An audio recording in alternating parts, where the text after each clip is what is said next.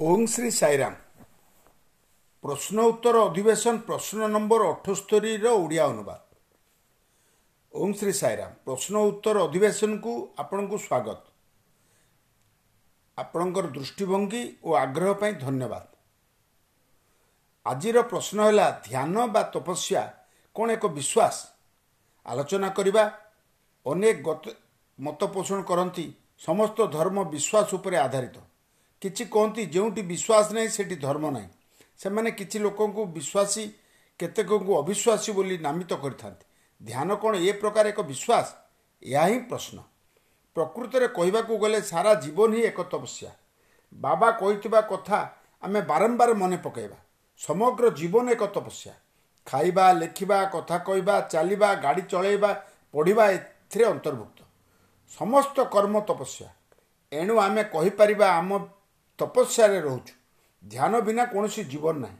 କିଛି ଲୋକ ଯୁକ୍ତି କରିପାରନ୍ତି ଆମେ ତପସ୍ୟାରେ କ'ଣ ଭଗବତ ପ୍ରାପ୍ତି କରୁ ତାଙ୍କର ଆବିର୍ଭାବ ଦେଖିବା ପାଇଁ ତାଙ୍କର ନିକଟତର ଭଗବାନଙ୍କ ନିକଟତର ହେବା ପାଇଁ ଏଣୁ ଧ୍ୟାନ ଦରକାର। ମାତ୍ର ଆମେ ଶାସ୍ତ୍ର ଭିତରକୁ ଯିବା। ଯେପରି ଉପନିଷଦ ଆମେ ନିଶ୍ଚିତ ଭାବେ ଜାଣିବା ଯେ ଭଗବାନ ଆମ ଭିତରେ ବିଦ୍ୟମାନ। ବିନା ପ୍ରୟାସରେ ଏହା ଏକ ବରଦାନ। ତାଙ୍କୁ ପାଇବାର କୌଣସି ବାଟ ନାହିଁ। କାରଣ ସେ ଆମ ଭିତରେ ଆଗରୁ ଅଛନ୍ତି। ଲୋକମାନେ କହନ୍ତି ନା ଆମେ ଭଗବାନଙ୍କୁ ପାଇବାର ଯୋଗ୍ୟ ହେବା ଦରକାର। ନା ଏହା ମଧ୍ୟ ଅତ୍ୟନ୍ତ ମୂର୍ଖତା। ସେ ଯେତେବେଳେ ତୁମ ଭିତରେ ପୂର୍ବରୁ ବିଦ୍ୟମାନ ତୁମେ କିପରି ପ୍ରମାଣ କରିବ ତୁମର ମୂଲ୍ୟ? ତୁମେ କିପରି କହିବ ତୁମେ ଅଯୋଗ୍ୟ? ତୁମେ କିପରି କହିବ ତୁମେ ତାଙ୍କୁ ପାଇବାକୁ ଯୋଗ୍ୟ ନୁହଁ? ଏ ପ୍ରକାର ଭୁଲ ଚିନ୍ତାଧାରା ଓ ସମୀକ୍ଷା ଦ୍ୱାରା ଅନେକ ସମୟରେ ଆମେ ହତାଶ ଓ ଉଦାସ ରହୁ। ବାବା କୁହନ୍ତି ତୁମେ ଯେତେବେଳେ ସ୍ୱୟଂ ଭଗବାନ ତାଙ୍କୁ ପାଇବାର କିଛି ନାହିଁ। ଭଗବାନ ଏକ ବସ୍ତୁ ନୁହନ୍ତି।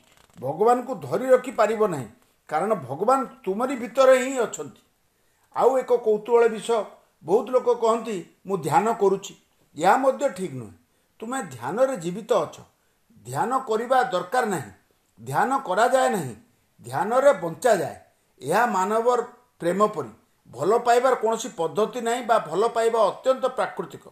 ବା ସ୍ଫୁତସ୍ପଦ ଏବଂ ସ୍ୱତଃପ୍ରବୃତ ଏହା ମଧ୍ୟ ଧ୍ୟାନ। ଅନ୍ୟପକ୍ଷରେ ଯଦି ତୁମେ କୌଣସି ପଦ୍ଧତି ବା ପ୍ରଣାଳୀର ସନ୍ଧାନରେ ଅଛ ଏହା ଏକ ନିଷ୍ଫଳ ପ୍ରୟାସ। ସମ୍ପୂର୍ଣ୍ଣ ଜୀବନ ଏକ ଧ୍ୟାନ।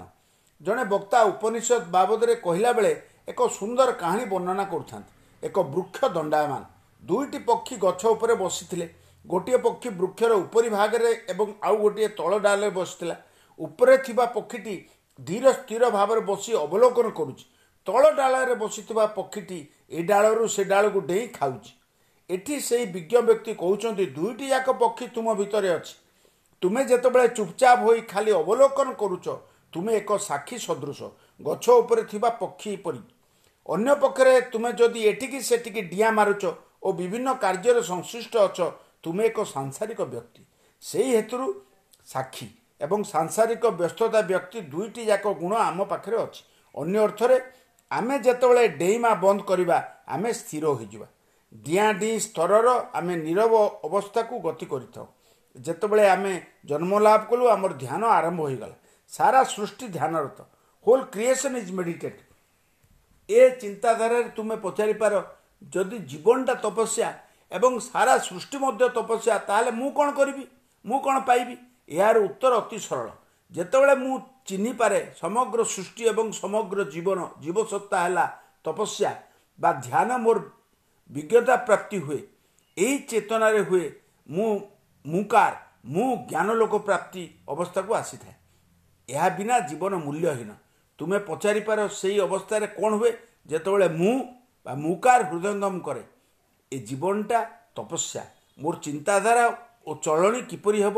ମୋର ମନୋଭାବ ଗୋଟିଏ ସାକ୍ଷୀ ପରି ହେବା ଦରକାର। ଘଟଣା ପ୍ରବାହକୁ ମୁଁ ପ୍ରତିବାଦ କରେ ନାହିଁ। ଘଟଣା ଯେମିତି ଘଟିବା କଥା ସେମିତି ଘଟୁ। ଆମର ମାନସିକ ଚିନ୍ତାଧାରା ଏବଂ ସମସ୍ୟା ହୋଇଥାଏ ଆମର ପ୍ରତିକ୍ରିୟା ଯୋଗୁଁ। ଯଦି ଜିନିଷଟି ଯେପରି ଯିବା କଥା ଯାଏ ତୁମେ ତା ଦ୍ୱାରା ପ୍ରଭାବିତ ହେବ ନାହିଁ। ଏହି ଚେତନାରେ ତୁମେ ରହିବ ଯେ ଜୀବନଟା ତପସ୍ୟା। ଅନେକ ସମୟରେ ଆମେ ଅନ୍ୟର ସମସ୍ୟା ସହିତ ଜଡ଼ିତ ହୋଇଯାଉ। ଆମର ସେଠାରେ କିଛି କରିବାର ନାହିଁ। ମୁଁ କହୁନାହିଁ ଯେ ଆମେ ସେମାନଙ୍କର ସମସ୍ୟା ପ୍ରତି ଉଦାସୀନ ହେବା। ମୁଁ କହୁଛି ସେଗୁଡ଼ିକୁ ଆମେ ହୃଦୟକୁ ନେବା ନାହିଁ। ଥରେ ଯଦି ତୁମେ ଅନ୍ୟର ସମସ୍ୟାରେ ଜଡ଼ିତ ହେଲ ତୁମର ଧ୍ୟାନସ୍ଥ ସ୍ଥିତି ବାଧାପ୍ରାପ୍ତ ହେବ। ତୁମର ମାନସିକ ଶାନ୍ତି ଚାଲିଯିବ। ତୁମେ ଯଦି ଅନ୍ୟର ସମସ୍ୟା ସହିତ ସଂଶ୍ଳିଷ୍ଟ ହବ ଏହା ରାସ୍ତା ନୁହେଁ। ସେହି ହେତୁରୁ ଆମେ ନିରବ ସ୍ଥିତି ଏବଂ ଧ୍ୟାନସ୍ଥ ଉପରେ କେନ୍ଦ୍ରୀଭୂତ ହେବା ଦରକାର।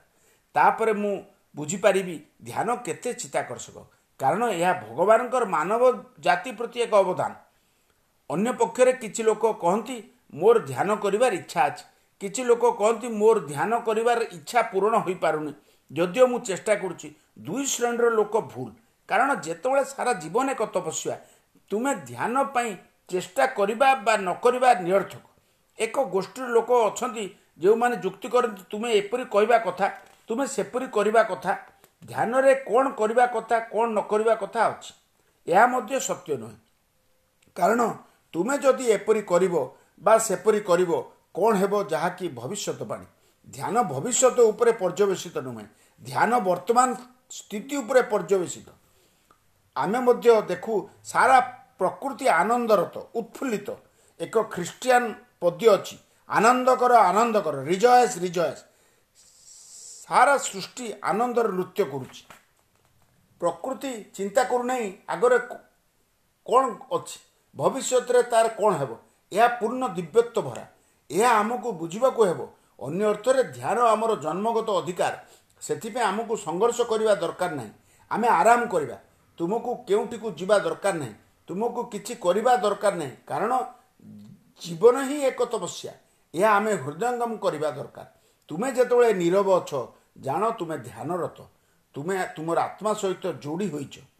ଏହି ନିରବତାର ପରମ ଆନନ୍ଦ ଅଛି। ଧ୍ୟାନ ଏକ ସ୍ପତସ୍ପର୍ତ୍ତ କାର୍ଯ୍ୟକ୍ରମ। ତୁମେ କହିପାରିବ ନାହିଁ ଯେ ତୁମେ କାଲିଠୁ ଧ୍ୟାନ କରିବ ବା ଦୁଇହଜାର ବାଇଶରୁ ଯେତେବେଳେ ମୁଁ ଅବସର ଗ୍ରହଣ କରିବି ଏହା ଅତ୍ୟନ୍ତ ନିର୍ବୋଧତା କାରଣ ଧ୍ୟାନ ଆପେ ଆପେ ହୋଇଥାଏ। ତୁମକୁ କିଛି କରିବାର ନାହିଁ। ସାରା ଜୀବନ ଏକ ଧ୍ୟାନ। ସ୍ୱାମୀ କହନ୍ତି ଖାଇବା ଗାଡ଼ି ଚଳାଇବା କଥା କହିବା ପଢ଼ିବା ସବୁଗୁଡ଼ିକ କେବଳ ଧ୍ୟାନ। ଏଣୁ ଧ୍ୟାନ ଏକ ବିଶ୍ୱାସ ନୁହେଁ ଧ୍ୟାନ ଏକ ବାସ୍ତବତା। ଧ୍ୟାନ ହେଉଛି ସତ୍ୟ। ଏହା କୌଣସି କୌଶଳ ବା ପଦ୍ଧତି ନାହିଁ। କାରଣ ଜୀବନ ସାରା ଜୀବନ ଆରମ୍ଭରୁ ଶେଷ ଯାଏଁ ଏହା ଆମ ସାଙ୍ଗରେ ଅଛି।